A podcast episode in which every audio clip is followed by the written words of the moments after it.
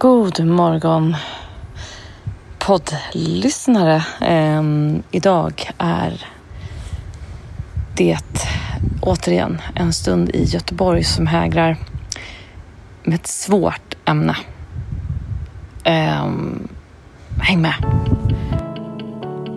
Under 27 år nu har jag försörjt mig på min röst genom sång, prat och ljud av olika slag i konserter, musikaler, shower, pjäser och ljudproduktioner med mera. I fyra år har jag tänkt på att jag vill göra den här podden, Din röst, med fokus på rösten som verktyg, instrument, möjlighet och skyldighet. Jag hoppas att ni får med er något nytt i varje avsnitt som alla kommer vara helt olika. Både vad gäller längd och innehåll och val av gäst. Jag heter Sanna Martin. Välkomna, nu kör vi!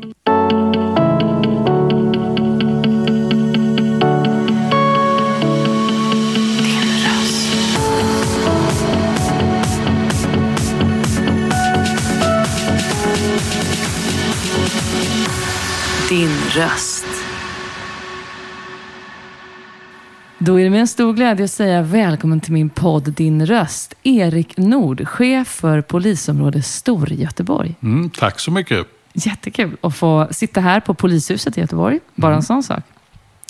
Jag vill alltså göra en podd om hur vi använder våra röster i samhället, både i våra liv men också faktiskt i det vi arbetar med och ser som vårt ansvar och vår möjlighet.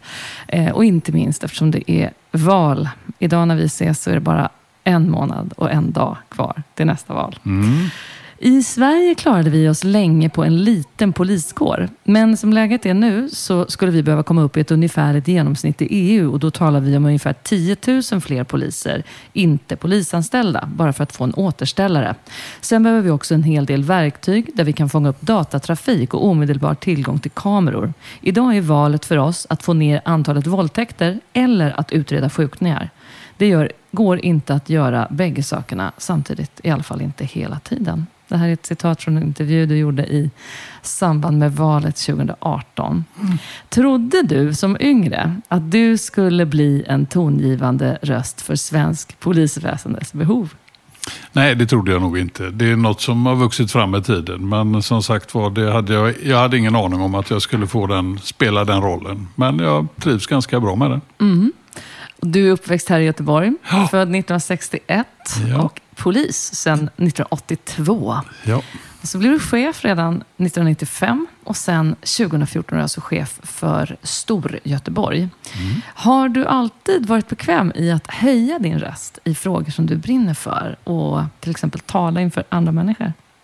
Ja, men det tror jag. Jag blev, eh, I militära så blev jag utsedd till sån här ansvar eller värnpliktsriksdagen och så vidare. Det har väl legat för mig det där över att jag har både trivts med att ta den rollen och jag har fått förtroende av andra att ha den rollen. Så att, eh, ja, jag tror det har hängt med mig från början. Mm.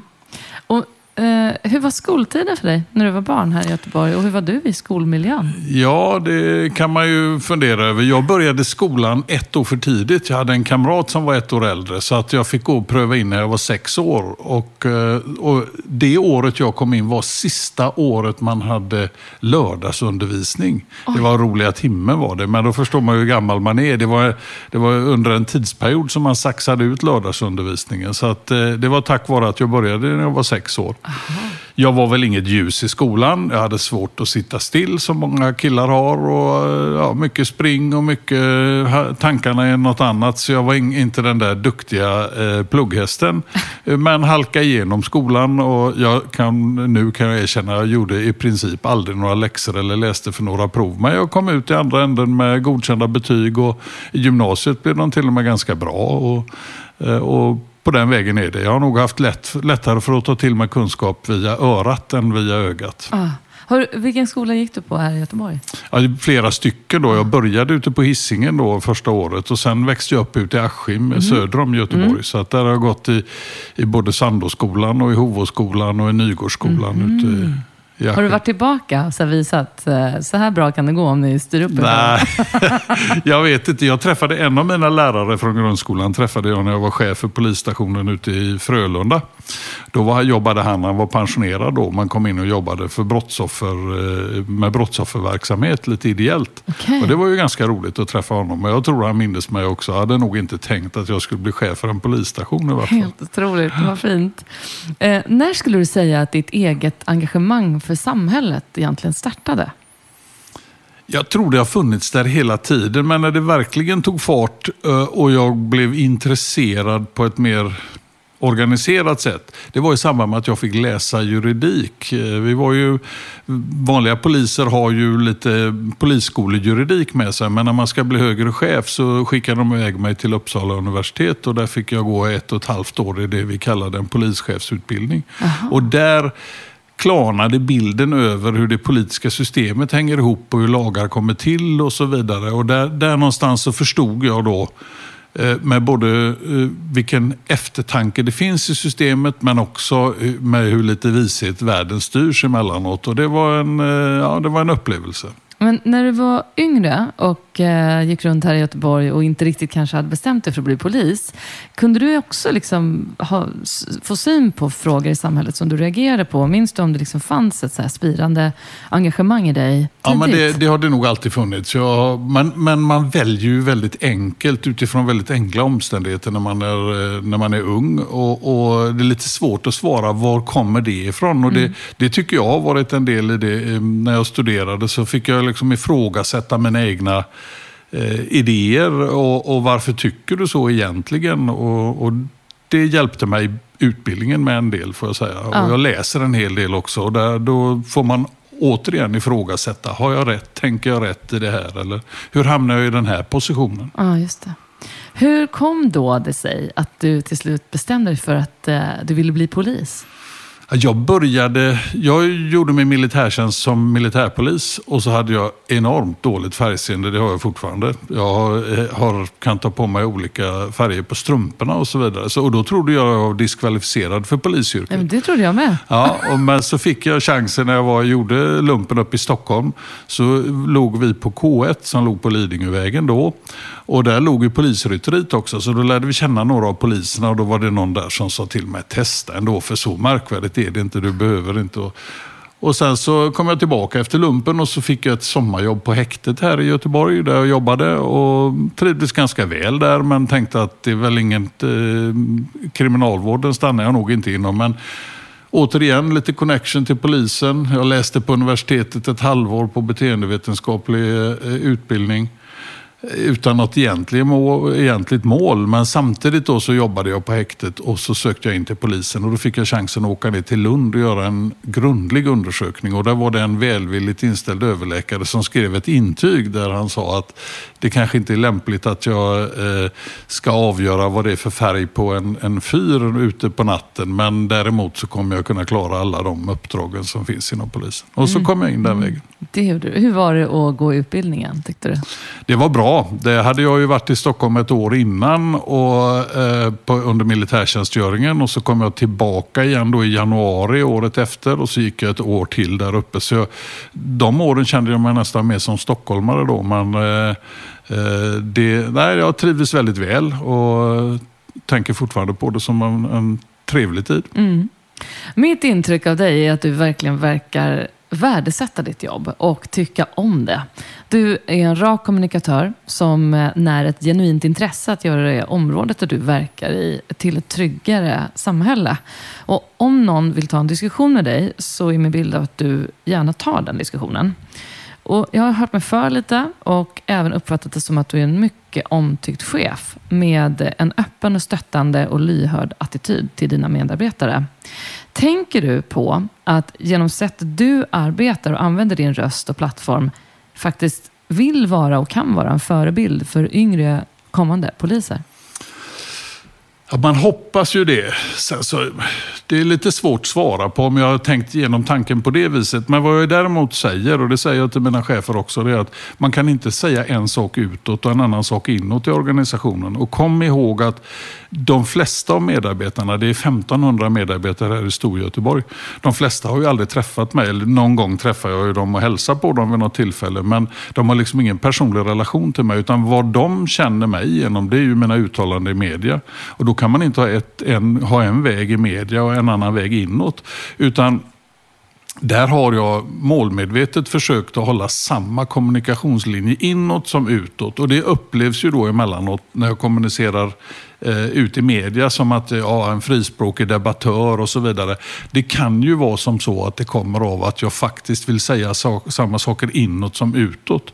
Och, och då kan det bli lite mer friktion i dem när, de när man säger dem för media. För jag tror att väldigt många chefer i min position som har regelbundna kontakter med media väljer att liksom runda av kanterna lite mot media. Ja. Och, och det upptäcker ju medarbetarna att det är inte riktigt samma sak som sägs inåt i organisationen kommunen. Och då kan man få ett bekymmer i den kommunikationen med medarbetarna istället. Så jag tar det när du beskriver det så som, som ett kvitto på att jag har nog tänkt rätt där. Mm. Och sen får jag väl ta det då. Jag har ju oftast inget emot att delta i debatter heller, så att det gör mig ingenting att, Nej, jag att jag ibland kan få lite kritik. Mm. Vi ska komma in mer på den biten.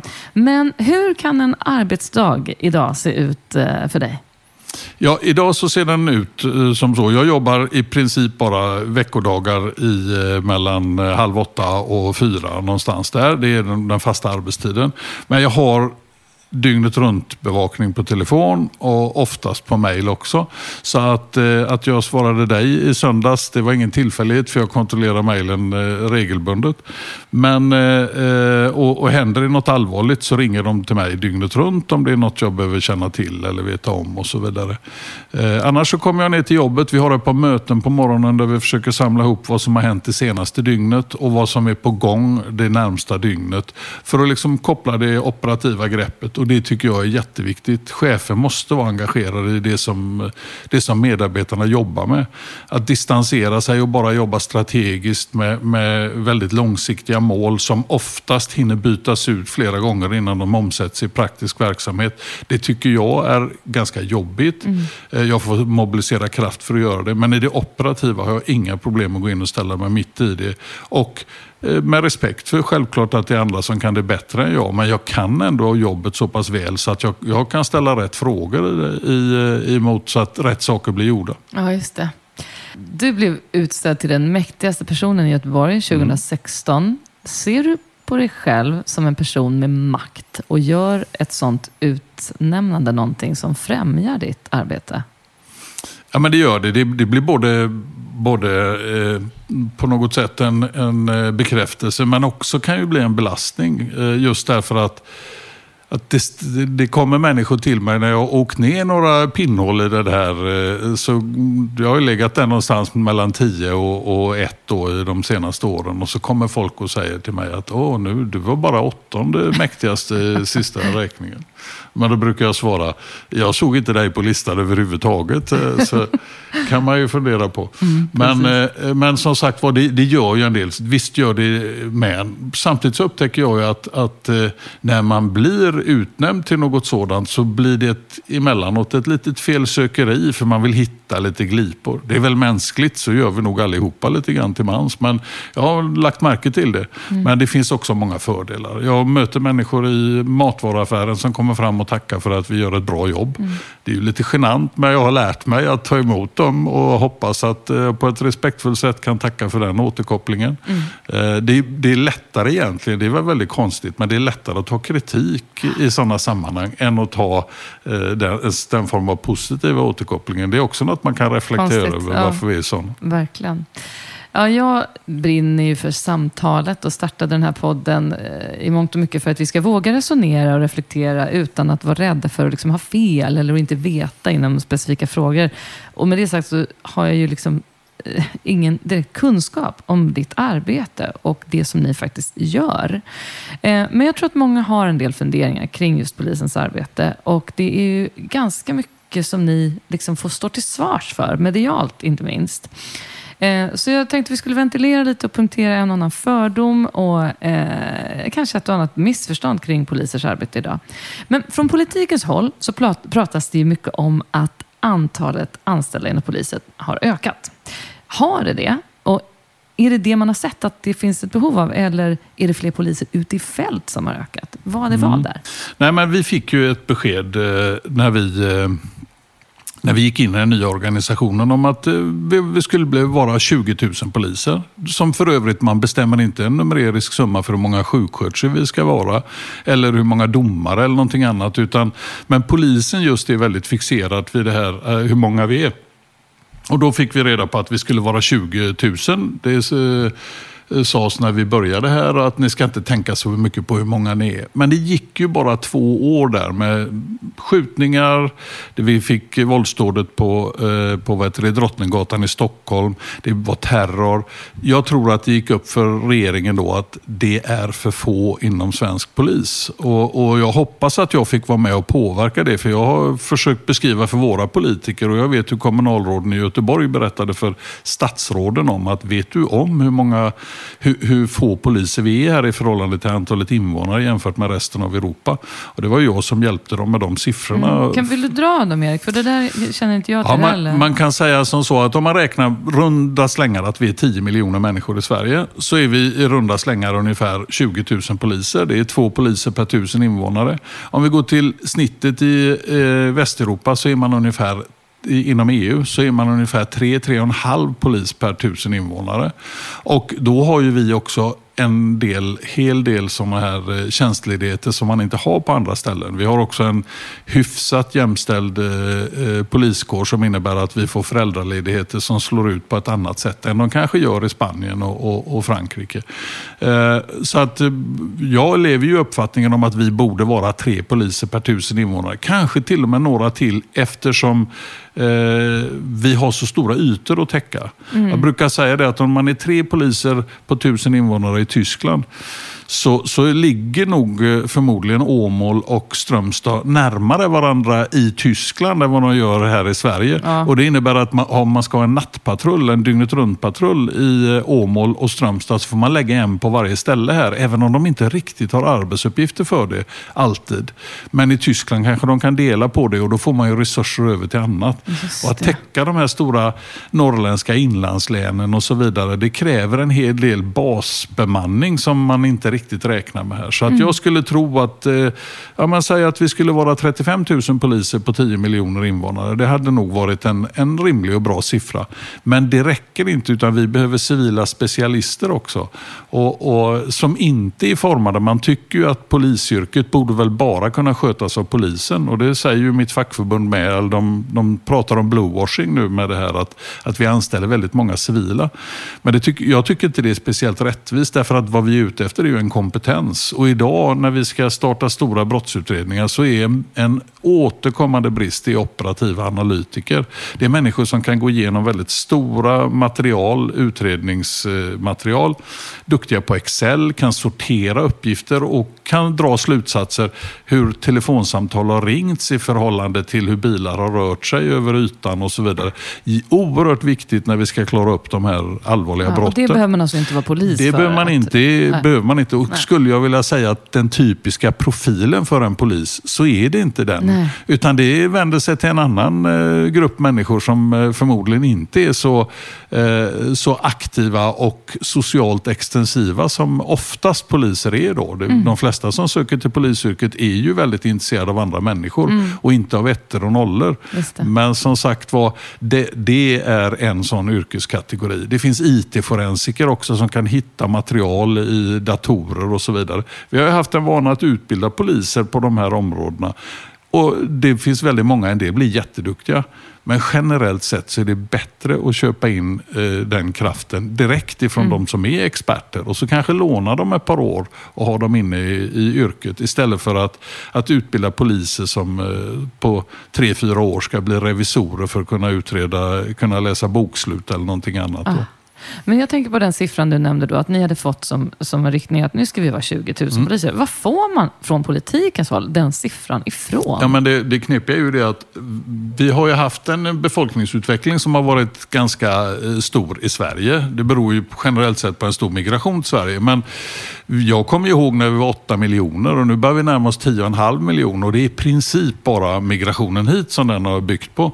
Men när vi var eh, runt 8 miljoner, då var vi 17 500 poliser i Sverige. Det var bestämt. Sen sjönk vi tillbaka och var nere på 16 och då hade vi ju passerat de 8 miljonerna.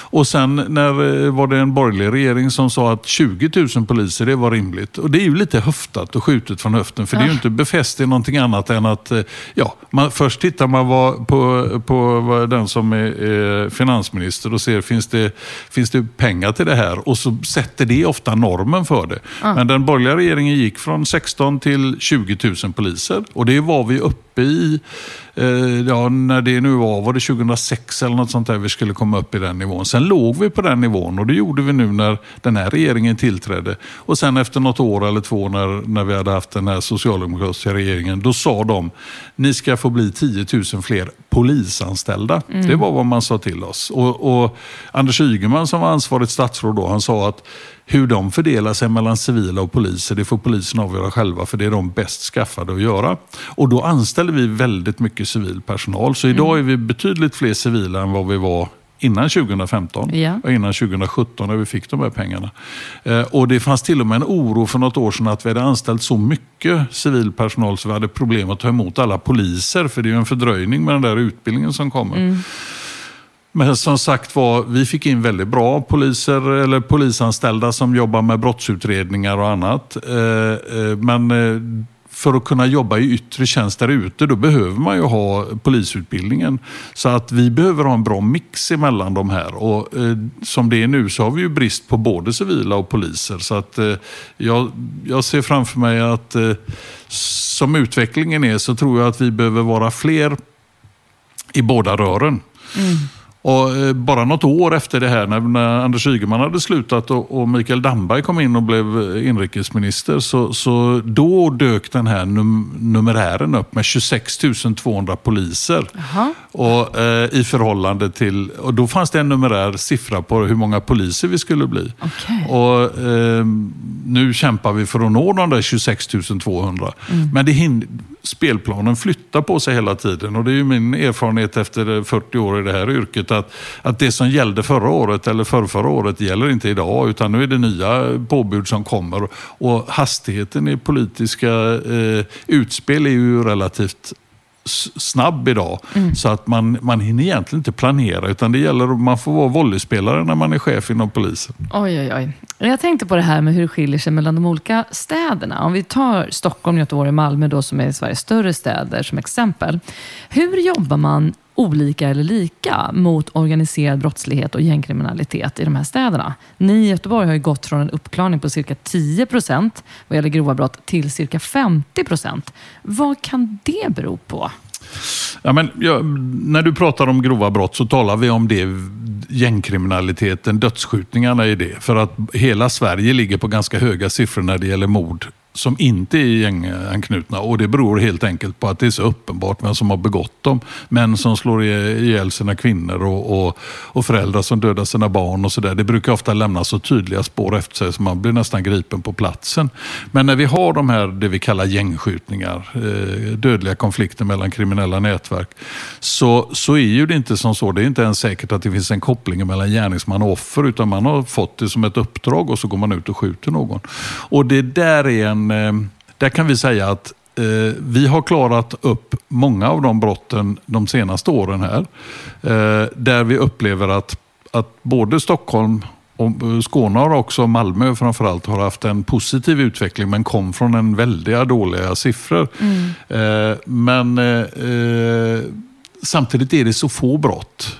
Så att det är svårt att dra några absoluta slutsatser. Om vi ligger tätt in på eh, en konfliktmiljö som vi gör och lyckas förhindra några och klara upp några brott, för vi ligger så tätt på dem här och nu, så kan det se annorlunda ut om något år. Eh, när det skenar iväg, som det har gjort i Stockholm nu, som jag upplever det, så, så tappar man lite grann greppet om det och då, då blir man stirrande på sina fötter lite grann över vad, vad ska vi göra nästa gång? Hur ska vi kunna bemanna nästa mordutredning? Och då kanske man tappar fokus fokuset på att förhindra en skjutning som dyker upp eh, eh, lite längre fram. Och där har vi haft en fördel. Eh, vi jobbar på ungefär likartat sätt. Vi, det är ett av skälen till att vi blev en svensk polis var ju att vi skulle jobba likartat och ha likartade organisationer. Och jag tycker det här har blivit mycket bättre än det var innan polisreformen, även om många vill, vill kritisera den, så, så gjorde den omedelbart tydligt att vi var för få poliser. Det kan ha varit som så att polisreformen gav resultatet att vi fick bli 10 000 fler polisanställda, för det blev så uppenbart att vi var en underdimensionerad polis. Mm. Och det kanske vi inte hade blivit om vi var kvar vid 21 olika länsmyndigheter. Mm. Men samtidigt så kan vi konstatera att här i Region Väst, där Göteborg ligger bland annat, så, så togs det ett beslut om att nej, vi följer de här eh, eh intentionerna i polisreformen. Och vi ska inte ha stora, tunga, centrala enheter som vi kallar in som ett FBI, om man tänker sig när det har hänt någonting. Och så kommer, man, kommer de duktiga utredarna dit och säger till de andra att flytta på er så tar vi över nu för det här är svårt och stort. Utan det vi gjorde det var att se till att den lokala polisverksamheten där ute Eh, om den är i Biskopsgården eller Bergsjön, det är de som sitter på den största kunskapen om vad det är som händer där ute. Om man ser vilka som åker bak på en moped så kan man göra kopplingar som man aldrig kan göra i en brottsutredning.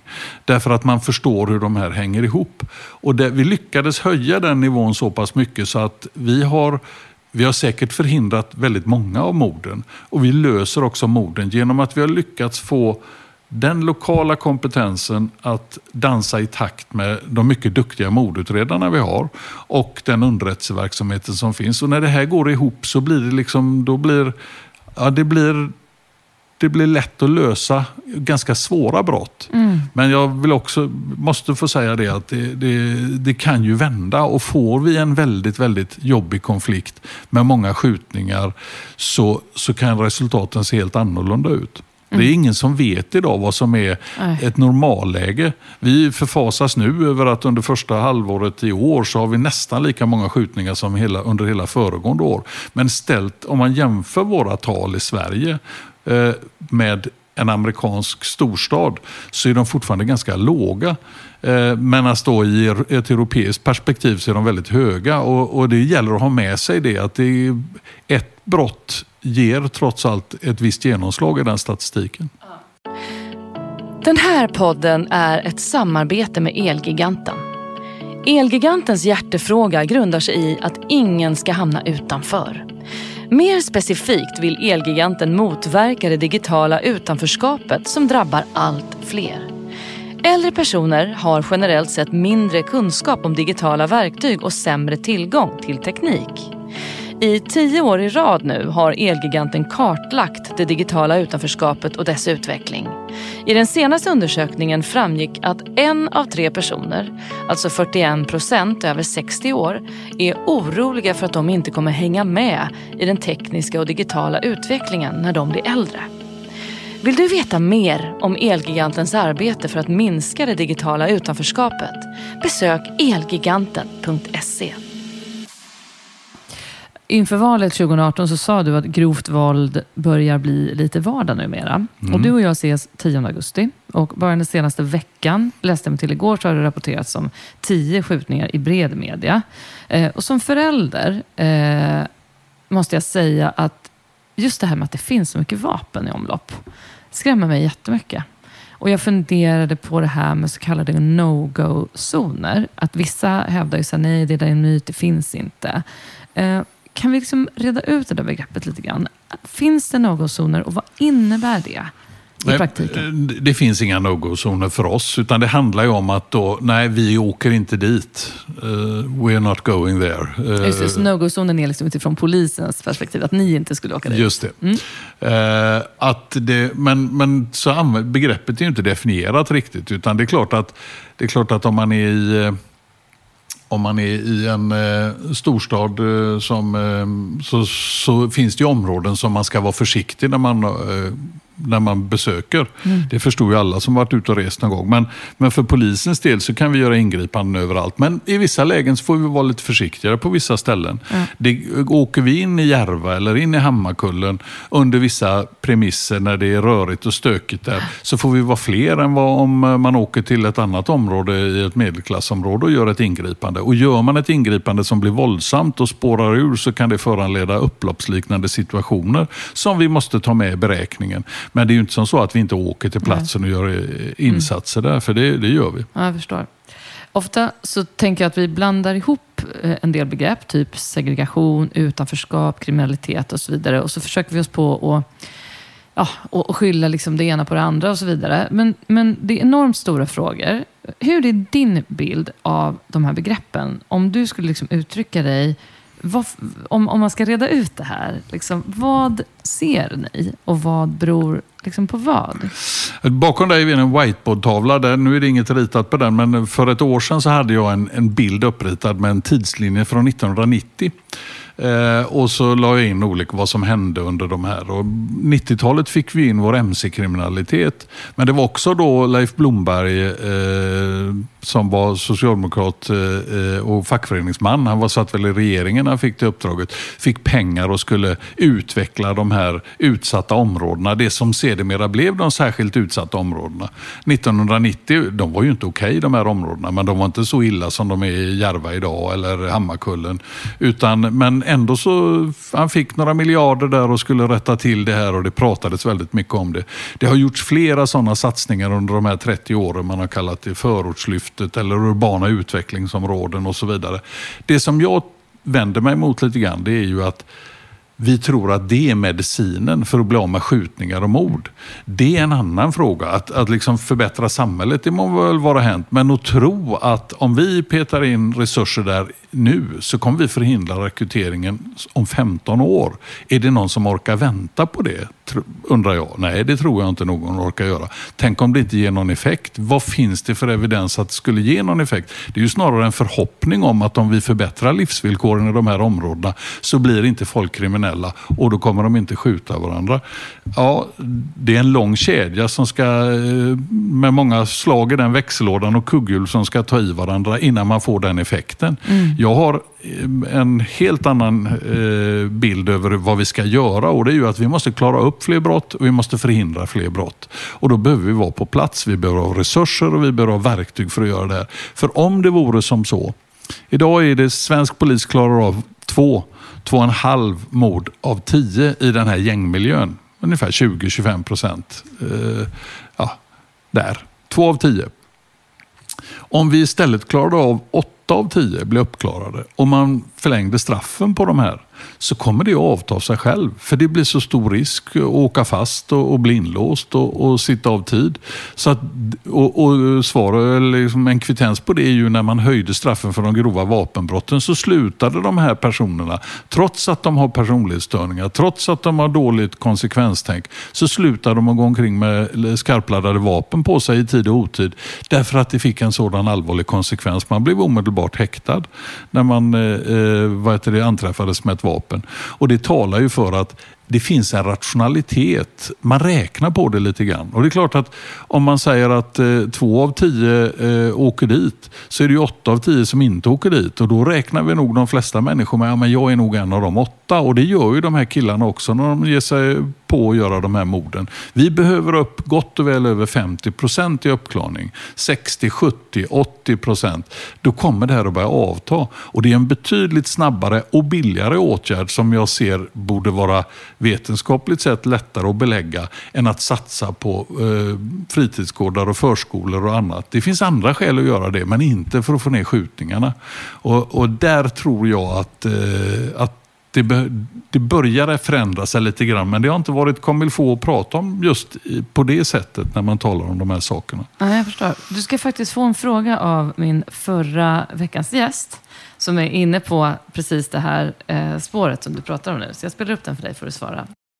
Ja, det jag skulle vilja diskutera med honom är ju hela situationen med gängbrottsligheten som är så uppe på den politiska dagordningen och som många tror sig ha lösningen på genom repressiva åtgärder och strängare straff och längre straff och allt det där. Själv är jag ju av en motsatt uppfattning. Jag tror att det är början. Man ska ösa på i början för att det ska bli bra på slutet. Eh, och då, då handlar det ju om ett samarbete mellan socialtjänst och polisen och närpolisen och fältassistenter och hela bandet. Så jag skulle vilja fråga honom hur ser han på de politiska förslag som nu kommer fram? Som är, tror han att det är hårdare tag och längre straff som är lösningen? Jättebra. Ja, men du snuddade vid det själv. Mm. Men hur, hur svarar du på Gudruns du, fråga? Det beror ju på vad man vill åstadkomma. Om man vill förbättra livsvillkoren för människor så är ju precis det som Gudrun tar upp där, eh, man ska göra med, med stabila insatser. Eh, samtidigt är det ju skulle jag vilja säga, jag skulle vända på frågan och så tänker vi oss som så här. Om det nu är som så att det är mer social ingenjörskonst, för det är det Gudrun är ute efter där, över att vi puttar in pengar till det allmänna och det allmänna vidtar åtgärder för att förbättra för medborgarna där ute. Om det är mer sådan som löser det här problemet. Hur kommer det sig att det har uppstått i Sverige från början? För vi är ju ett av de länderna som har mest social ingenjörskonst. Det har ju bedrivits, jag, jag räknade från 1990 och framåt, jag tror det är 22 eller 22 år med socialdemokratisk regering där man har, ja, det har ju varit minoritetsregeringar, men de, det är ju klassisk socialdemokratisk politik och ändå har ju inte det rättats upp de här områdena. Det finns några andra krafter i det här systemet som, som jag inte riktigt jag tror inte vi riktigt ser dem för vi behöver ett lite längre perspektiv. Men eh, där tror jag att, eh, att få det träff i målet för att bli av med skjutningarna jag tror inte på det. Jag tror att det är precis, där står ju Gudrun och jag även i den frågan kanske lite långt ifrån varandra. Men alltså, det är repressiva åtgärder. Det är att klara upp brotten och låsa in de som begår brotten. Och att finnas på plats och förstå konflikterna så man kan blockera en och annan av de här eh, mord, eh, morden som skulle vilja begås. Okay. Jag kan ju dra en parallell till det som hände förra, det mycket, mycket tragiska när vi förlorade en kollega i, uppe i Biskopsgården förra året. Oh. de var där ute därför att de visste att det var en röd konflikt i området. Det, var, eh, det kunde hända någonting i området. Därför är de där ute för att uh, försöka gjuta olja på de vågorna, de starka känslorna. Sen inträffar ju det att den här gärningsmannen går ju till en plats för att döda några andra och av en ren tillfällighet så kör Andreas rätt in i den situationen och, och träffas av ett skott. Eh, som där avsikten förmodligen inte var att döda en polis vid det tillfället utan att döda några antagonister. Men så kom en polis för snabbt dit oerhört tragiskt. Vi får, det kommer vi få leva med länge, det här eh, ärendet. Men det, det ger ju också ett kvitto på att vi kan läsa situationen. Vi förstår vad det är som är på gång. Och Det beror på att det är en god lokal lägesbild med bra underrättelser och att informationen flödar inom eh, polisen. Och Det upplever jag att vi har fått till här i Storgöteborg. Eh, och det tror jag är lösningen på att få ner skjutningarna och få ner det dödliga våldet. Istället för att, eh, att vi börjar med lite diffusa insatser mm. som ska hjälpa till om en 20, ja, 15-20 år. För det, det är ingen som orkar vänta på det. Den här podden görs i samarbete med R-Functional, en klimatneutral funktionsdryck från Åre. De vill i allt de företar sig göra det de kan för att ta ansvar för vår miljö och framtiden för vår planet. De vill att människor idag ska kunna leva och bo i samhällen fria från skadliga ämnen i både jord, luft och vatten. R-Functional tror på att ge människor tillgång till törstsläckande drycker, lokalt producerade i Sverige, framställda på naturligt mineralvatten och berikade med naturliga ingredienser. Genom ett för miljön minimalt belastande sätt levererar de fossilfritt från sin tillverkning i Åre och ut till sina kunder i resten av Sverige. Allt för att göra så små avtryck som möjligt på den här planeten och för att vi och nästa generation ska kunna känna naturens krafter även i framtiden. Läs mer på rfunctional.com. Jag har en god vän som jobbar eh, för polisen som civil i Stockholm. Och, eh, vi hade ett samtal privat där vi började prata om just hur en väg in i kriminalitet kan se ut. Och Då beskrev hon det som att eh, det kan vara så enkelt att du är en ensamstående mamma med fyra barn som inte har råd att ge en son en mobil till exempel. Och så får han bara reda på att om du åker och fixar det här så får du en mobil. Att en, en sån liknande situation. Hur skulle du vilja säga, vad, vad ser ni och vad ser du? Eh, vad är det som händer när man kommer in i den här typen av tung brottslighet? Mm. Hur kan en sån väg se ut? Om man säger, kriminologin pratar ju om skyddsfaktorer och riskfaktorer. Och om, man, eh, om man säger då att man har eh, skyddsfaktorer så är det som så att om man, om man växer upp med kärlek och omsorg i familjen, genuin kärlek och respekt för sin egen person, för den man är, eh, och eh, goda föräldrar med bra uppfostringsstrategier. Eller god förälder om man nu är ensamstående. Positiva och goda prestationer i skolan. Eh, har bra kamrater. Och föräldrar som har jobb och utbildning och kan reflektera över tillvaron. Då är man nästan vaccinerad mot att hamna i de här situationerna. Förstår du vad jag menar? Ja. Och så riskfaktorerna är bara att vända på det. Va? Att har man en dysfunktionell familjesituation med missbruk eller våld eh, och, och, att familjen använder våld som en accepterad konfliktlösningsmetod. Man funkar inte i skolan. Kamraterna är halvkriminella eller missbrukar. Eh, familjen är, har, har använder sig av kriminalitet. Så, eh, och så kommer social socioekonomisk utsatthet är det också. Att de som är välbeställda klarar sig oftast lite bättre. Men det är på marginalen. Mm. Det är så många andra saker som man ska försöka åtgärda innan man ger sig in i bara det socioekonomiska och skruvar i, i det här. Och Där kan jag ju säga att, att det är klart att det finns en risk för att någon hamnar i kriminalitet. Men det beror ju ofta på att man har lever i en kriminell kontext med kriminella kamrater till exempel.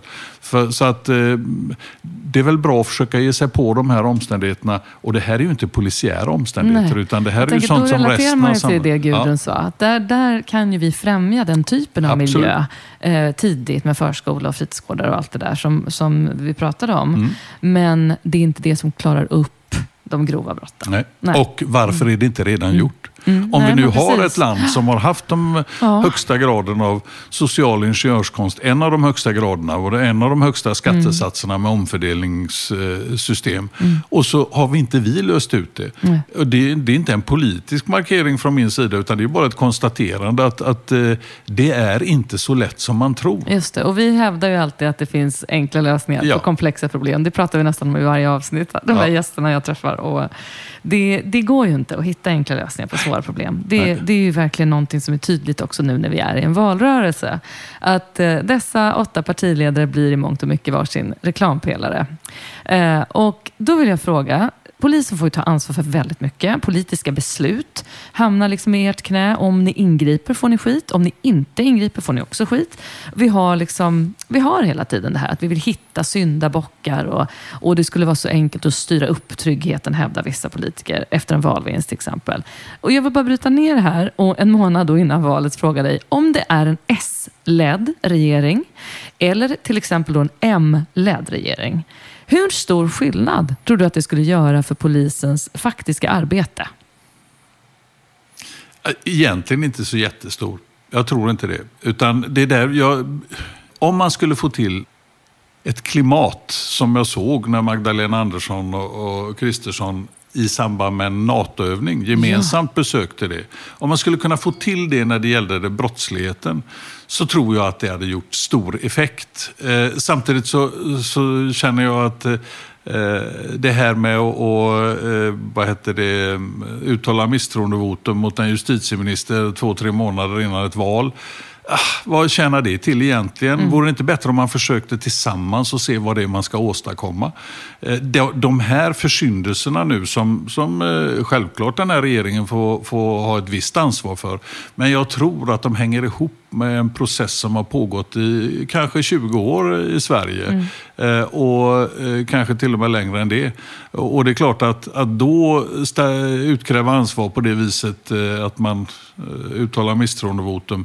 Ah, det imponerade inte på mig Nej, det gjorde i inte vart fall. heller. Utan Jag då håller tänkte jag, vad, vad ska det här tjäna till? Nej, men det har blivit som en tävling väldigt mycket. Att Ja. du ska visa framfötterna och visa att du är lite cool och sticka ut Yes. hakan. Och det är Yes. otroligt jag, tjatigt. jag, kan, jag håller med. Jag, hela, under hela min tid inom polisen så har jag inte begripit hur den svenska straffrätten kan så eh, på ett sådant sätt liksom, eh, ge sådana rabatter i systemet till de som begår upprepad brottslighet. Därför att allt annat är oproportionerligt säger man. Så att ju mer brott man begår ju, ju mindre straff får man. Det här är faktiskt en av mina frågor. Jag eh, hade tänkt fråga om det. Ja. Hur ligger det till med det där egentligen? Och eh, straffrabatten i praktiken vad gäller ungdomar till exempel som har liksom, ganska tidigt så att säga, i livet begår tyngre brott. Mm. Jag tror att man skulle kunna komma åt det på ett, eh, på ett lite annorlunda sätt. För som det är nu så får man väldigt stora rabatter inledningsvis.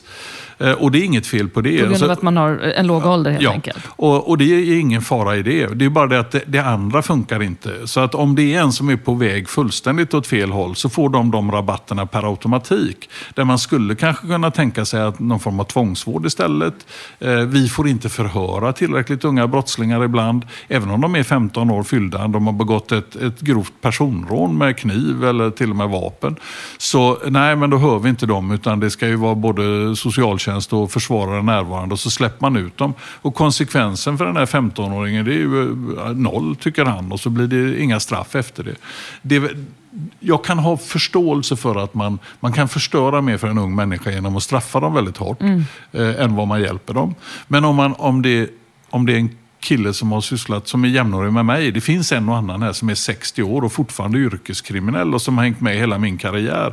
Eh, Så jag känner igen namnen på dem. Och de får rabatter på rabatter på rabatter. Vilket innebär att när de stjäl en, ja nu stjäl man ju inte bilar, men om de kör drogpåverkade och utan körkort. Så det är gratis för dem. De Men hur brotten. kommer det sig? Hur, hur har vi hamnat där? Ja, men Jag det det handlar om att vi har en straffrätt som bygger på att en person begår ett brott vid ett tillfälle och gör man flera brott så ska man försöka samordna det här och så ska det inte bli för långa straff.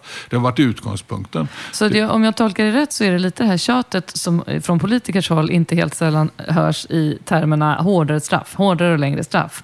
Det är inte så riktigt så enkelt det heller. Nej, utan du ska så- så- ändra straffrätten, hur den är utformad. Jag, jag tror man behöver gå igenom hela den och försöka få en, en... eh, Och det gör man nog bäst i om man försöker få blocköverskridande överenskommelser som håller över en viss period. Absolut. Men du, du hör ju på Gudrun här som tillhör, eh, så varit partiledare för Vänsterpartiet, att de vill ofta inte höra den delen över att straff faktiskt fungerar. Om det inte gäller skattebrott eller sexual, eh, köp av sexuella tjänster, för då, då köper ju Vänsterpartiet det.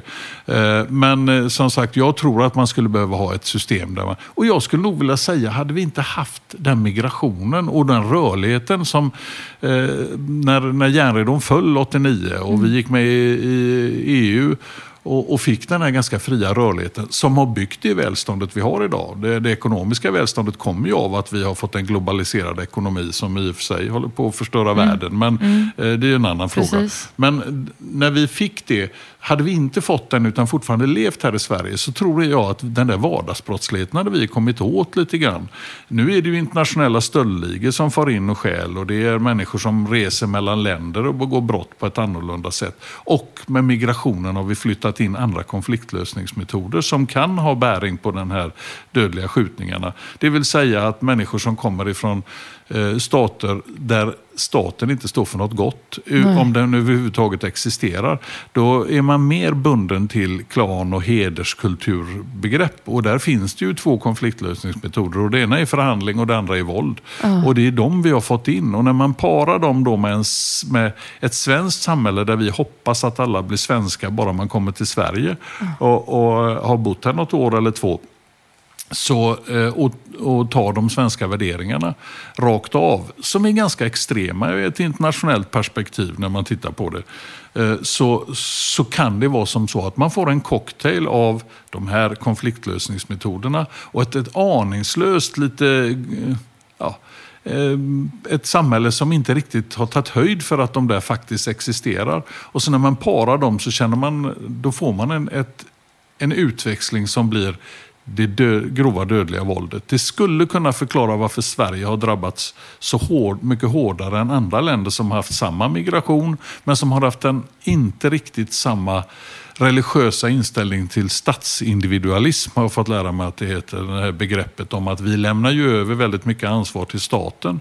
Vi betalar ju mycket pengar i skatt men de ska ta hand om våra gamla och ta hand om våra barn och sköta allting. Och det är liksom på något sätt ett avtal mellan oss och, och, och staten. Där. Men alltså det är helt främmande för människor från andra kulturer över att de tror inte något gott om staten utan det handlar snarare om att få till det för mig och min släkt och min familj. Ja, när du förklarar så här, eh, det här är ett perspektiv jag aldrig har tänkt på. Eh, så det, det är superintressant och jag tänker att det ni ser inom polisen, det ser ni. Och jag hade ett samtal med ärkebiskop Antje Jackelén för ett par veckor sedan. Och jag drar en del paralleller till det, för hon har blivit kritiserad för att ibland låta politisk. Och det hon tar upp eh, har liksom kritiserats för att bli partipolitiskt. Men då pratade vi om att Oavsett om det är Svenska kyrkan som uttalar sig om till exempel människor i kris som de eh, tar hand om, eller om det är polisväsendet som berättar vad de ser i sitt arbete, så måste man ju som samhällsengagerad yrkesperson och ledare i både ditt och Antjes fall få lov att, att liksom tala om eh, det man ser och hör. Som en, eftersom ens engagemang faktiskt måste få höras och märkas, tänker jag. Och den stora frågan blir då, vad blir politiskt att prata om? Ja, Olof Palme så var det inte han som sa att politik är att vilja. Var inte det, inte det ett citat från honom? Var inte det? det låter bekant. Jag ja, kan inte svära på det. Men det är svårt att definiera vad som är politik annars. Är men, men, att det finns en vilja, att man vill påverka. Uh, Ante uh, Jackelén vill påverka utifrån sitt perspektiv. Jag vill påverka utifrån mitt perspektiv. Mm. Och... Uh, jag får kritik emellanåt för jag ger uttryck för för mycket åsikter. Och, och det, det, kan jag ta, det är inte så svårt. Och det, oftast drabbar det ju bara mig själv eh, i de där sammanhangen. Men när det gäller hur jag sköter mina åtaganden mot medborgaren eh, i de enskilda situationerna. Hur vi beviljar demonstrationstillstånd och, och och vilka åtgärder vi vidtar mot fotbollssupportrar och så vidare. Där gäller det ju att vara helt opartisk och, och kunna stå i, eh, i, i, frågan utifrån ett strikt eh, tjänstemannaansvar. Mm. Men just, just det här med sociala medier och den fria debatten som har dykt upp nu gör ju att det finns utrymme för privata åsikter vid sidan av det där. Det är min bild i vart fall att, att det är så. Mm. Eh, och att inte man behöver klappa folk på huvudet och berätta och peka på hur mycket eh, revärer man har på axlarna för att eh, sina gradbeteckningar för att och, och, och, berätta hur duktig man är. Utan man får faktiskt stå i sina egna skor lite grann. Och det, mm. i, i, på baksidan av det så kommer ju det faktiskt att man, man får ge uttryck för egna uppfattningar. Och det, de uppfattningarna gör ju förmodligen att du sitter här idag. De gör att jag har fått bra kontakter på det politiska planet i båda de stora stora eh, regeringsalternativen. Och att jag faktiskt kan få vara med och påverka lite grann hur, eh, hur utvecklingen blir. Jag tycker det är ett, ett sunt sätt att se det.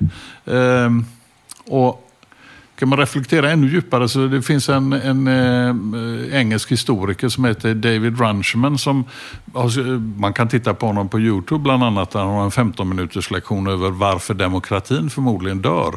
Eh, och han, utbildningsnivån i samhället har ju blivit så oerhört hög så att rätt många människor kan syna de som leder samhället också. Mm. Och i det dyker ju det upp en vilja att debattera som jag inte tror fanns för 50-60 år sedan. Utan den kom ju genom att eh, vi har fått en välutbildad bas att stå på som mm. vågar ifrågasätta. Mm. Och att vi har så mycket källor och så mycket informationsflöden ja. och att vi själva har blivit våra publicister och ja. så vidare. Det, det, finns många skäl till det, men, nej, men det är jätteintressant. Men som du säger, du har ju fått kritik ibland. Bland annat för att du säger som det är, upplever vissa.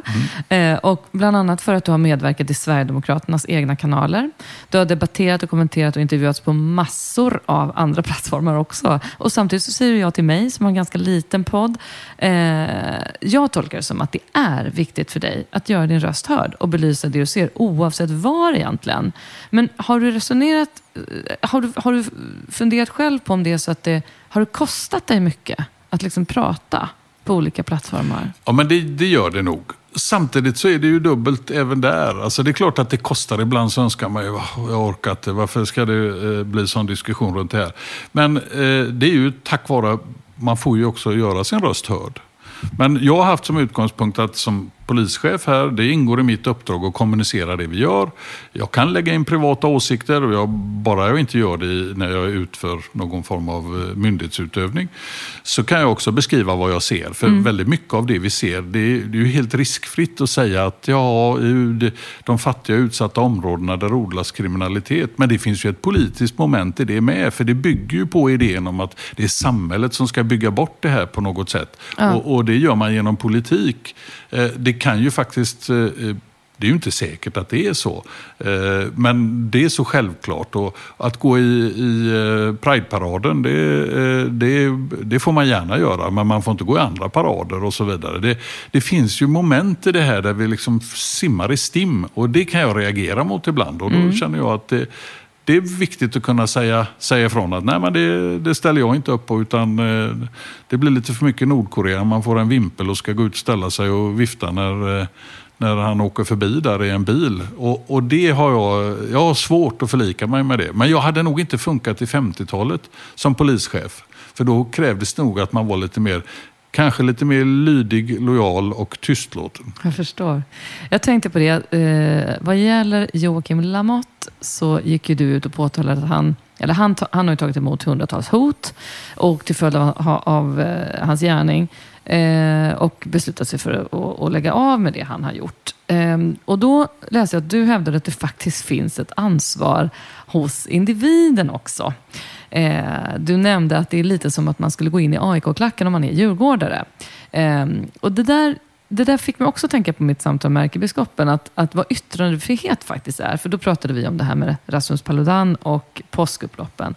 Och jag kan, i, det, I de rader som du har uttalat dig kring Lamotte så kan jag känna en liknande grej. Liksom, det är inte så att man utnyttjar sin yttrandefrihetsrättighet om man bara ska provocera, alltså vad, vad Antje Jackelén är inne på till exempel. Och du är lite, om jag läser rätt, inne på samma spår. att om han får hundratals hot så kan det ju inte bero på att han gör allting rätt som individ. Eller är det lite där du var inne? Och, mm, är det lite så du nej, tänker? Men ungefär. Och, eh, jag har ju ett arbetsgivaransvar här inom eh, polisen eh, för de som jobbar. Och skulle vi ha någon polisman som eh, drog på sig, drar på sig väldigt mycket hot och eh, vi får anmälningar och så vidare. Så ligger det i det arbetsmiljöansvaret att titta över är det rätt? Eh, och, och, skulle det nu vara det, kan vi också se att det kan nog faktiskt vara som så att den enskilda arbetstagaren är med och påverkar den här situationen. Men till slut så får vi säga, nej nu får vi flytta på dig för du gör något annat. För mm. det, vi kan inte riktigt stå i det här. Nu är Joakim en, en egen arbetsgivare och, och eh, då borde han, tycker jag, reflektera lite över hur blev det så här? Eh, det hindrar man får ju inte begå brott, man får inte hota Joakim Lamotte ändå. Men det skulle ju vara skönt om han reflekterade lite över vad spelar jag för roll roll i det här sammanhanget. Vad är det som gör att jag får alla de här hoten på mig? Ja. Och där tänker jag, så väl kan jag ju ta... Jag, jag, jag har bara träffat honom någon gång tror jag på någon tv-sändning. Men eh, det ju, tickar ju i, i huvudet på honom så jag tror att han begriper det. Men jag tror att det är hans, det är hans sätt att, att provocera och vara väldigt eh, skapa friktioner i det här. Det är, det är ett självändamål för honom och det är nästan så att de här hotelserna på något sätt eh, tolkar han in som att eh, han, han jobbar på rätt sätt. Men sen blir det ju ansträngande mm. till slut. Nej, men du var ju inne på det redan tidigare när vi pratade om liksom, det här med socialt, liksom, hur det kan vaccineras mot, som du var inne på, eh, att hamna i kriminalitet. Alltså, det finns ju också ett ansvar i både individen och liksom kontexten. Och, men, skolan är ju en annan eh, eh, puck. Att det finns ju, vi har ju en tendens till att liksom skylla allt jobbigt på skolan, på, på läraren eller på skolsystemet. I själva verket så, så kanske vi ska titta på liksom hur läroplanen ser ut och hur vi som individer tar ansvar hemma för ja, våra barns kommunikation eller sånt där. Själv. Vad vi lär varandra.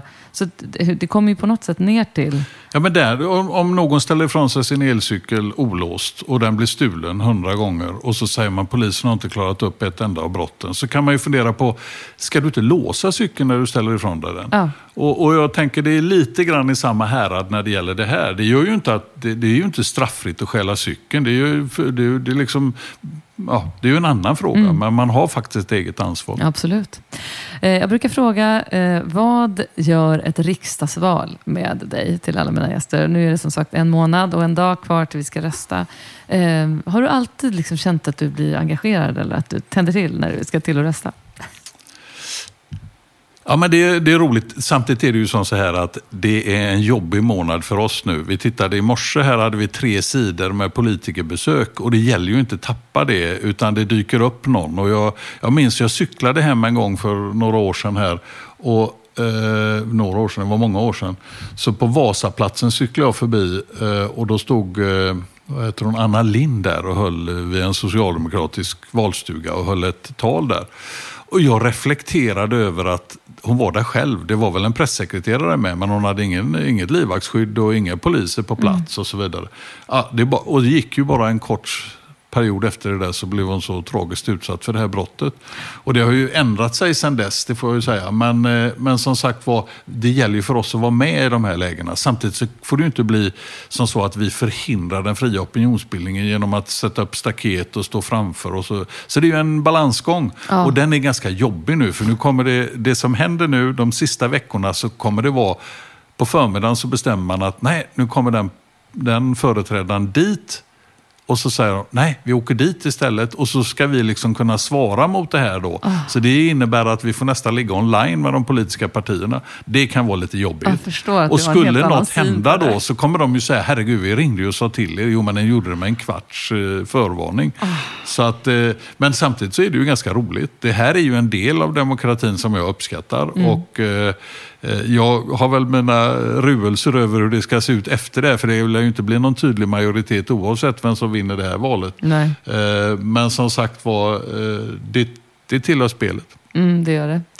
Du, vad gäller medierapporteringen kring polisiära händelser och saker som till exempel påskkravallerna nu. Så här, hur, hur, ser du på den och det tidningar och bred media skriver om ert arbete? Är det något som skälper eller hjälper? Och tycker du att den är eh, relevant och sanningsenlig?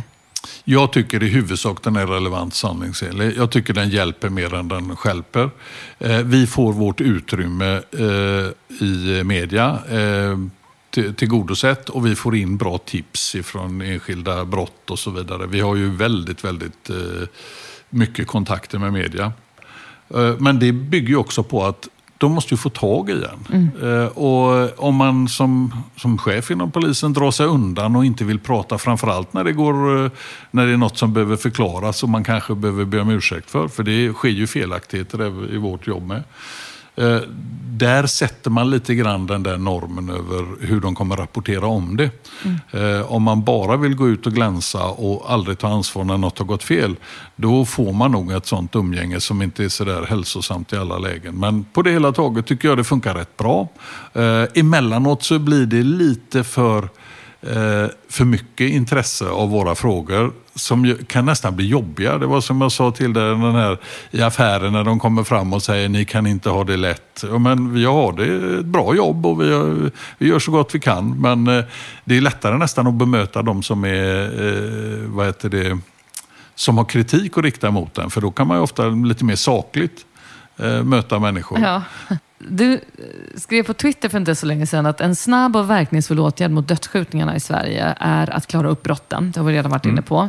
Ta in alla verktyg som finns i demokratiska länder och låta oss inom polisen få använda dem. Då kommer vi höja uppklarningen till en nivå där skjutningarna avtar. Om vi bara går in på detta igen. Vad kan det vara för verktyg faktiskt som ni behöver eller resurser som ni skulle vilja kräva från politikerna? Ja, men jag, jag skulle vilja att, att vi eh, såg till att kommunerna hade eh, bra videoövervakning eh, och parade den ihop med eh, vad heter det, Trafikverkets övervakning över de statliga vägnätet. Och att vi fick omedelbar tillgång till det. Så att inte vi behövde gå in och fråga efter om vi kunde få ut uppgifterna. Utan att vi satt på uppgifterna och vi kopplade på en dator med artificiell intelligens som säger, vänta lite grann nu, den här bilen som är kopplad till en gängkriminell, nu åker den i sällskap med två hyrbilar. Det är något på gång. För det ser ju systemet. Det är det artificiell intelligens är bra på att kunna se. Och kunna förvarna oss om det. Om man sen till och med la på en funktion där vi kunde konstatera att i en av hyrbilarna, eller i varje hyrbil åker det två stycken mobiltelefoner som är helt nyinskaffade. Ja, men då kan vi nog förstå att då är det fara och färde. Nu är det någonting som är på väg att hända. Nu gäller det att få stopp på de här. I dagsläget så flera andra länder har de här kontrollen över fordonsflödena. Jag vet inte eh, hur det fungerar med mobiltrafiken eller kommunikationsutrustningen. Men om man nu säger att eh, eh, i Danmark när man hade dubbelmordet här nere i Köpenhamn för några år sedan så har ju de ett system som gör att de förstår hur trafikflödena har gått till och från. Man kan ta reda på den bilen som användes, som vi hittades utbränd eh, på en parkeringsplats i ett utsatt område. Hur har den färdats de senaste dygnen och vilka andra fordon har den åkt ihop med? Det, eh, det har andra länder med några knapptryckningar där Sverige får eh, gå ut och knacka dörr och fråga är det någon som har sett den här bilen komma hit och såg ni någon annan bil som kom i sällskap med den? Det är ju och det knepigaste av allt är att en hel del av den tekniken som de andra länderna använder, den är utvecklad av Sverige. Svensk försvarsindustri är ganska duktig på säkerhetsarbete, så Saab och, och andra har gjort de här med ansiktsigenkänning, med automatisk nummeravläsning och så vidare. Då. Så vi borde kunna komma längre fram där. Mm. Och eh, jag tror inte förlusten för den enskilde är sådär våldsamt stor när det gäller den personliga integriteten. Men det är klart att man får ta med det i beaktande när man vaskar fram de här sakerna. Men om man nu tog allt som, om vi är de det europeiska land som har de största bekymren med dödsskjutningar så vore det väl rimligt att vi hade de vassaste verktygen. Men nu är det i princip tvärtom. Jag tänkte på det här med civilkurage. En vän till oss, en kille på 15 år till exempel, blev rånad och hotad i våras i sina hemkvarter i Stockholm. Och när han ropade på hjälp så såg han flera vuxna gå förbi. Eh, jag vet att det kan vara idiotiskt att kasta sig in i saker man ser, absolut. Men hur ser ni på det där? Vad ska vi göra, vi vanliga medborgare, när vi ser någonting som händer? Vad är bra och vad är dumdristigt, så att säga? Kan du nämna något om det? Ja, för först vill jag säga att det här är ju inget nytt fenomen. Under alla mina år inom polisen så har det varit som så att vissa väljer att titta bort i de här sammanhangen. Man vill inte blanda sig i. Eh, och, och, man har, kanske ligger det lite grann i den där svenska folksjälen också att inte lägga sig i tillräckligt. Eh, där man borde kanske kliva in. Eh, jag tycker man ska göra en personlig eh, riskbedömning av situationen. Och ser man att här kan jag agera, så ska man agera. Eh, om man har kraft och mod till det. Men det, man behöver ju inte gå in när det är två mc-gäng som slåss och försöka reda ut situationen. Utan då kanske man ska avvakta och gå och kalla på hjälp i sådana fall.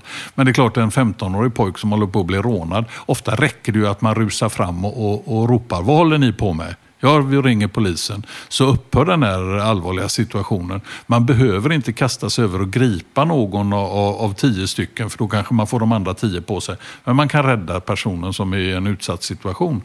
Eh, där någonstans står jag och tänker att eh, det går att göra saker och ting eh, nästan i alla lägen. Men att eh, bara smyga bort och vara feg, det tycker jag inte är speciellt smakfullt. Nej. Du har själv i egenskap av polischef fått ta emot hot. På vilket sätt påverkade det din person?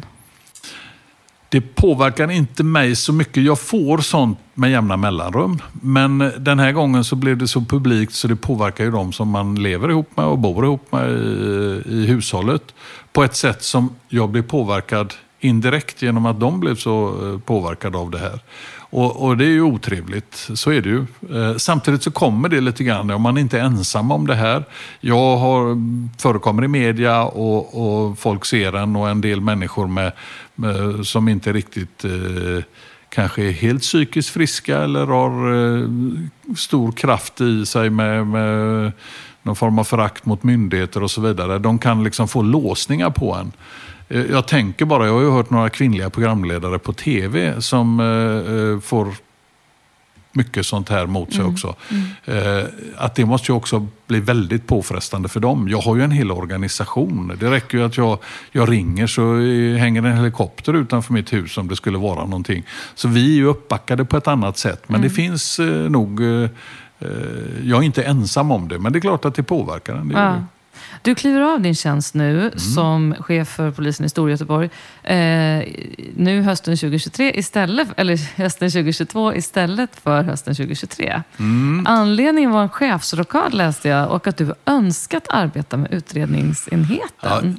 Det, nu ska man säga som så här, vi har, inom polisen så har vi nu senaste här, eh, och det är Anders Thornberg som har bestämt att eh, åtta år på en plats, det är, sen ska vi vitalisera ledarskapet. Om det inte finns särskilda omständigheter. Det kan ju finnas att man bara är en chef i Norrland någonstans och så vidare. Men från indirekt nivå uppåt. Men det var inte riktigt klart och jag hade ju förhoppningar om att jag kanske kan vara kvar här några år till. Eftersom jag är 61 nu så, så skulle jag kunna jobba färdigt som chef i Storgöteborg.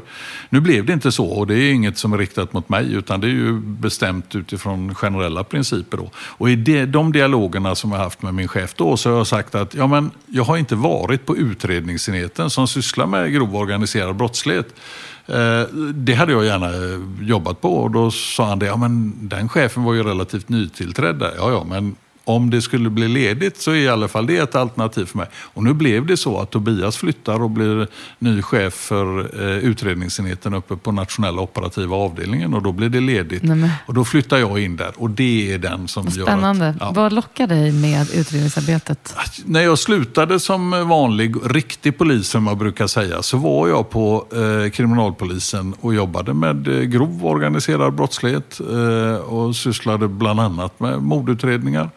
Och känner väldigt starkt för den verksamheten. Och jag har aldrig varit tillbaka där, utan jag har varit eh, på den blå sidan som vi säger, alltså i uniform och tjänstgjort på olika ställen här. Jag har varit chef för länsordningspolisen, jag var operativ chef, jag har varit Eh, i polisområden och jobbat. Och nu får jag, även om vi har ju grov organiserad brottslighet även i, i, mitt ansvarsområde nu, men nu kommer jag tillbaka till den där verksamheten som jag lämnade 95 och så får jag avsluta min karriär där och det känns ju som en ynnest. Det ska bli riktigt, riktigt roligt. Det är väldigt mycket som är annorlunda eh, jämfört med när jag lämnade. För när jag lämnade då hade vi inte datorer, då skrev vi på skrivmaskiner fortfarande. Och nu kommer jag tillbaka då och så ska jag eh, få vara med i en verksamhet som innehåller så mycket IT och, och så mycket internationella kontakter och så vidare. Då. Så det ska bli jättespännande.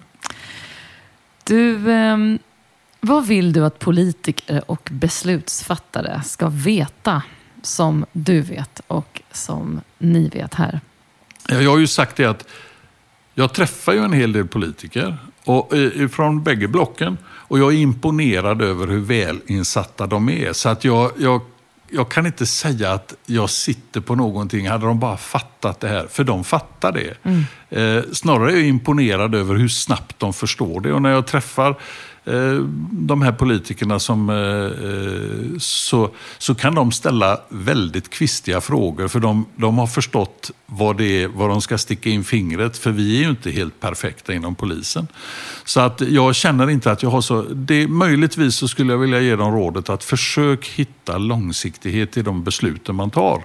Så att vi inte får en ryckighet i det här över att ena, det, nu är det bara pengar som gäller. Vi går ju mot en lågkonjunktur och det finns ju en viss risk för att de stora satsningarna som, man, eh, som är utmålade nu kommer att hamna i en annan ekonomisk realitet när, när vi ser vart den här lågkonjunkturen tar vägen. Nej, men jag, jag, jag, tror att, eh, jag tror att man skulle må bra av att ha en eh, en långsiktighet i de här insatserna mot de grova organiserade brottsligheten och dödsskjutningarna. Så att vi inte får, för, det blir, inte blir ryckigt ifall vi byter regering till exempel. Nu är du så himla insatt i de här frågorna, men jag brukar fråga liksom, vilken samhällsutmaning eller stor politisk fråga går man runt och tänker på. Eh, är detta, dödsskjutningarna och den grova organiserade brottsligheten, eh, ett av de största liksom, orosmolnen du ser i Sverige idag? Ja, utifrån att även om vi nu skulle landa på, vi hade 40 dödsskjutningar till halvårsskiftet och säga att vi skulle landa på 80 så är det ju inte som så att matematiskt sett så tar de här slut. Utan vi kan ju vara inne i en utveckling där eh, om några år så framstår 80, ja men det var i alla fall hyfsad nivå. Nu är vi uppe på 160 om några år och så vidare. Eh, det, det bygger ett helt annat samhälle och jag tror inte riktigt vi har klart för oss i vilken riktning vi går när det gäller de här delarna. Och det är därför jag känner en frustration över när man bara vill åtgärda det med sociala, eh, social ingenjörskonst så, så tror jag att det tar för lång tid. Det kommer inte att ge effekt så att, så att vi, den blir märkbar de närmsta åren. Utan där gäller det att klara upp brotten och låsa in förövarna. Börjar vi i den ändan så är det ju som så att en del annan kriminalitet har ju inte blivit värre. Bostadsinbrotten går ner, eh, personrånen ligger relativt stabilt, eh, även om man är med, det är ju hemskt för de som råkar ut för det. Eh, vi har kommit en bit när det gäller mäns våld mot kvinnor eh, på, som är helt annorlunda idag än när jag började inom polisen. Eh, där jag tror att problemet inte är större idag, det är mindre idag än vad det var när jag började, men det ser större ut därför att vi, vi är duktigare på... synliggör det ju mycket ja, mer precis. idag och pratar om det precis. på ett annat sätt. Och det har fått en plats på agendan ja. på ett annat sätt, tack och lov. Fick vi bort det där gängkriminaliteten eller nätverkskriminaliteten så är vi på plussidan vill jag säga. Men den för så mycket med sig när det gäller otrygghet. Och tyvärr är det som så att jag ser inte riktigt hur vi, hur vi ska åtgärda den med bara social ingenjörskonst. Mm. Utan här behövs det repressivitet och, och att klara upp brotten. Mm. Om du fick vara minister ett tag, vad skulle du vara för minister och vad skulle du ta tag i direkt? Oj, Eh, jag hade nog gärna blivit justitieminister i sådana fall. Och eh, eh, det jag hade tagit tag i det är polisutbildningen och sett till att vi fick en reformerad polisutbildning Eh, som eh, gjorde det möjligt att på ett mycket snabbare sätt rekrytera in personer och göra dem till poliser. Där vi tittar på vilken kompetens de har istället för att rekrytera in eh, ganska oskrivna blad och försöka göra dem till experter. Vi hade behövt olika vägar in inom polisen. Vi behöver ha en stabil polisutbildning i grunden. Men om vi anställer en, eh, en jurist eller en eh, revisor eller något liknande så behöver vi en väldigt kort utbildning för att de ska kunna komma in och utöva det begränsade våldsmonopol som de gör inom, eh, inom sina yrken inom polisen. Eh, om det tar 20 veckor att utbilda en FBI-agent i grundutbildningen så borde vi ha det som en riktlinje för att vi skulle kunna utbilda en svensk polis på 20 veckor. Under förutsättning att eh, förkunskaperna är de rätta. Har du påtalat det till eh, justitieministrar bakåt? Det vet jag inte om jag har sagt till Morgan Johansson, men jag har sagt det till Mikael Damberg och jag har sagt det till Johan Forsell som är Moderaternas rättspolitiska talesman. Jag har nog sagt det till några andra också. Eh, men och vad får du för gehör? För det låter ju oerhört logiskt när du det säger så. Det krockar ordentligt med eh, den, vad våran myndighet har för självbild och förvaltning och det krockar ordentligt med Polisförbundets uppfattning. Men jag tror att det hade varit en, en riktigt bra åtgärd. Mm. Har du varit sugen på att gå in i politiken någon gång, Erik? Nej, det jag får ju frågan emellanåt, men eh, nej, jag kan inte säga att jag... Jag passar inte riktigt. Jag, jag, jag har ju berättat att jag röstar borgerligt, men jag hittar liksom inte det där självklara att jag kan köpa hela paketet någonstans i, eh, i det här. Utan jag vill nog vara lite fri, men jag eh, cirkulerar kring vissa frågor och mm. liberalism känner jag väldigt starkt mm, Jag förstår. Och jag, det, det, är också ett stort skäl till att jag gör den här podden, att jag är så himla ambivalent väljare själv svårt att hitta en partipolitisk hemvist. Jag har ingenstans jag liksom skulle känna att det var självklart att lägga en röst. Utan jag måste alltid tänka och fundera många, många varv. Jag tänker att den allra bästa sortens opinionsbildning är den när vi faktiskt får varandra att tänka efter. Eh, ser du dig själv som en opinionsbildare? Mm. Ja, men det gör jag nog. Mm. Och Tycker du om det, att få folk att liksom tänka efter utifrån det du faktiskt har erfarenhet inom? Ja, men det är mitt sätt att bidra. Men det är ju återigen, man måste ju också kunna lyssna på vad andra gör och så måste man kunna omvärdera sina uppfattningar över hur, hur saker och ting står till. Och, och, eh, och det är väl ett sätt att leva. Jag eh, tänker ju på det. Jag som jag sa, jag blev 61 år. Det finns ju en begränsning hur länge man ska jobba. Men jag kommer nog att kunna hålla mig eh, med de dagstidningarna jag läser och att följa den politiska debatten. Det är ju oerhört spännande. Och det, att få vara en del av det, att, att ha varit en del och varit en opinionsbildare, det tycker jag är, känns jättebra. Mm. Hur vill du helst använda din röst framöver? Ja, men jag ska nog uh, ungefär som jag har gjort hittills. Jag ska försöka uh, ge min bild av uh, hur det ser ut i Sverige och försöka beskriva både att eh, det blir aldrig riktigt så bra som man har tänkt sig. Men det brukar heller inte bli riktigt så förskräckligt som man tror. Utan det, man, man surfar någonstans mitt emellan. Och det, eh, I mitt opinionsbildande så är det nog att påpeka just det där. Över att eh, vi, eh, det finns faktiskt folk som har det värre. Eh, och det finns de som, eh, men det kan bli bättre. Det var bra ord. Och sluta med tusen tack för att jag fick komma och prata med dig Erik. Och eh, tack för allt ditt engagemang för att samhället ska gå framåt. Tack. Tack till Elgiganten för att ni vill vara med och stötta den här podden. Och tack också till R Functional för att ni vill vara med. Vi hörs igen nästa vecka. Hej hopp!